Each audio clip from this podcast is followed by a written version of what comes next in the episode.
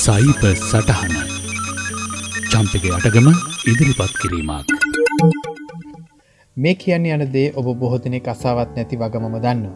මේ එක්තරා විදිකට ඔබ බීතියකට පත් කරන පෝතක් වෙන්නත් පුළුවන්. නමුත් අපි සයිබ අවකාශය වෙන අහිතකර දේ ගැන නෑසූ කනින් සිටි පමණින් ඒවා නැතිවෙන්නේ නැහැ. අහිතකර දේ ගැන සබුද්ධිකවීමෙන් තමයි ඒට එරෙහිව අපි කෙලෙස ක්‍රියාත්මක විය යුත්තේද කියලා යම් කිසි දැනුවත් භාවයකට එන්න පුළුවන් වෙන්නේ. මම මේ කතා කරන්න යන්නේ අන්තර්ජාල කල්ට් ගැන ඒ කියන්නේ අසම්බත විශ්වාසයන් ජීවන රටාවන් වෙත විශේෂයෙන්ම තරුණ දරුවන් ආකර්ශණය කර ඔවුන්ගේ ජීවිත අඳුරට පත් කරන අන්තර්ජාල පිළිලයන් ගැන. මේ සත්‍ය කතාවට මොහොතක් සවන් දෙන්න. මෙහි කතා නායිකාව මරිසා ඕකෝන.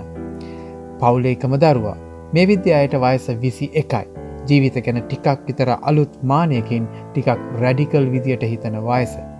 දෙමාපියන් එක්ක මත ගැටුම් හැලහැප්පීම් එන්න එන්න වැඩි වුණා.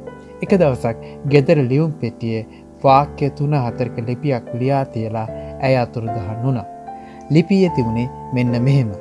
Hello dad, I have decided to take an indefinite break from our relationship. Please do not try to contact me. I will contact you if and when I decide to resume our relationship. Sincerely, Marisa. මෙම ලිපියව ඇය අම්මටත් යවල තිබුණා. මේ සමඟ mic සහ ජැකි ඕකෝන යුවල කෙතරම් කලබල වුණා දැයි කියන්න අවශ්‍ය නැහැනි.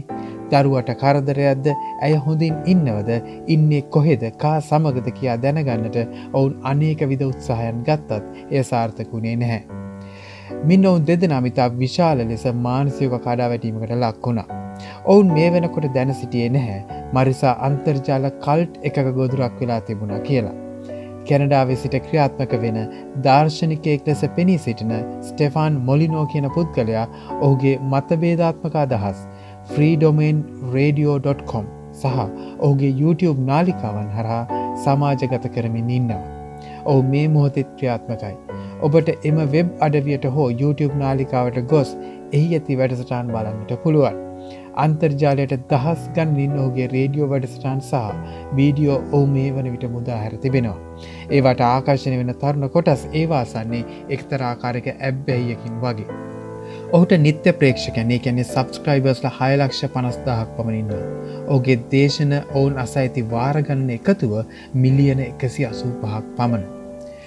ස්ටෙෆාන්ට අනුව දෙමාපියන් දරුවන්ව වහල් කරගෙන ඔවුන් මත ආධිපත්‍යය පතුරවාගෙන සිටිනවා හරියට පීඩකයන් වගේ. තමන්ගේ නිදහස වෙනුවෙන් ඔවුන් පවුලින් සදාකාලිකව ඉවත් විය යුතු වෙනවා. මේ ඔහුගෙම වචන. A child is a complete slave to the parents, and it is the greatest power disparity in the world. Life is short, and if you can't get people around you to treat you well, then don't bother being around them. And this is the defoing process. මෙතන ස්ටෙෆාන් ඩීෆෝයින් කියලා අදහස් කරන්නේ පවුල සමඟ සම්බන්ධතා අතහැරීම. මේ වචනය එන්නේ FOO ෆූ කියන යෙදුමින්. FOO කියන්නේ ෆැමිලි ෆෝරිජින්. එතොට ඩීෆූ කියන්නේ ඒ වචන ඉදිර ඩී කියන ප්‍රත්්‍ය යොදල තියෙන්නේ තමන්ගේ පවුල හෝ ඉතා සමීප හිතමිතුරන් සියල්ල අතහැරීම.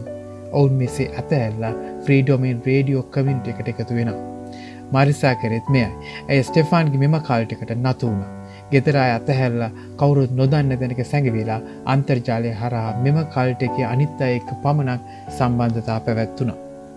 මේ හැමෝගෙම වීරයවුනි ස්ටෙෆාන් පැය දහස් ගණනින් ඔහුගේ කතා අසන්නට ඔවුන් මාස් පත අන්තර්ජලය හරහා ස්ටෙෆාන්ට ගෙවීම් කලා. ඔවුනුත් එවැනි මන්තර්ජල නාලිකා පටන් අරගෙන ස්ටෙෆාන්ගේ පනිවිඩය අනෙක් තරුණ කොට සතර ගෙන යන්නට ක්‍රියාත්මක වුණා. එනිසා තමන්ගේ නායකයාගෙන් එපිටින් තිවෙන ලෝකයක් දෙස විවෘතව බලන්නට මේ සාමාජිකයට අවස්ථාව ලැබුණේ නැහැ. නමුත් මරිසට මේ වැඩි ලේසුනේ නැහැ. අවුරුදු හතරක් මෙහෙම ගෙවිද්දෙත් මරිසට ගෙදර අමතක් කරන්න බැරි වුණා. ඔය අතර අයි දන්න කෙනෙක් මේ කල්ලි අතහැර ගියා. කල්ට්නායක ස්ටෙෆන් තමන්ගේ කල්ලියෙන් යනයට විරුද්ධවෙත් දරුණු පුද්ගලික මට්ටමේ ප්‍රහරතීම් කරනවා. නමුත් මරිසා දකිනවා ඒ ඉවත් වුණු පුද්ගලයා තමන්ගේ පවුල සමඟ නැවත සම්බන්ධ වී ඉතා සතුටින් ජීවත්වෙන හැටි. මේ නෑ වටහගන්නවා ඇයි නොදැනුවත්තම ස්ටෙෆාන්ගේ කල්ට් එකට හසුවීම නිසා. තමන්ට ආදරය කළ පවුලයායට ඇයතින් වරදක්කු වග. ඔය අතරි මරිසගේ මල්ලයාගේ බ්ලොග් පිටුවට පනිවිඩයක් කෙවනවා. ඔවුන් මරිසා ගැන දැනගන්න එකම තැන මේ බ්ලොග් අඩවිය. මරිසා ඊට පිළිතුරු දෙනවා. මේ විදියට ඕකෝන පවුල නැවත එකතු වෙනවා. තමන්ගේ අතින් වුණු වැරදිවලට දෙමවපියන් ඇයගෙනුත් ඇ දෙමාපියන්ගෙනු සමාව ගන්නවා. පවුල දෙකට කරන්න උදව වුණු අන්තර්ජාලයම ඒ පවුලට එකතු වෙන්න උදව් කරේ එහෙමයි. අපේ කතාවේ කතා නායිකාවට නැවත දෙමාපියන් වෙත එන්න හැකියාව ලැබුණත් හැමෝ මෙතරම් වාසනාවන්ත නැහැ. එනිසයි කල්ට් එකකට හසුවෙන්න කලින් ඉන් වැලකින් උත්සා කිරීම වැදගත් වෙන්නේ. මේ අවසන් කිරීමට මරිසගේ පියා සඳහන් කළ යමක් මෙතනට සඳහන් කිරීම සුදුසුයි කියලා හිතුණා. මම හිතාගෙන හිටිය කල්ට එකක් කියන්නේ කෙනෙක්ව එලියට අරංගිහින් තමන් ගවතියාගෙන මොලේ වෙනස් කරලත් තමන්ගේ පැත්තර නම්මවා ගන්න කල්ලිවලට කියලා. දැන් යාල්ට එක ස්ක්‍රීන් එකක් කරා කරන්න පුළුවන් තවතුරටත් එලියට රැගෙනයන්න අවශ්‍ය නැහැ. තාක්ෂණය හරා මේ කල්ලිවලට ගෙදර ඇතුළ ඉන්න කෙනාගේ ඔල්ලුවටමරින් ගන්න පුළුවන්. අදත් ඔබට සයිබසටානගෙන මම චම්පික යටගම්.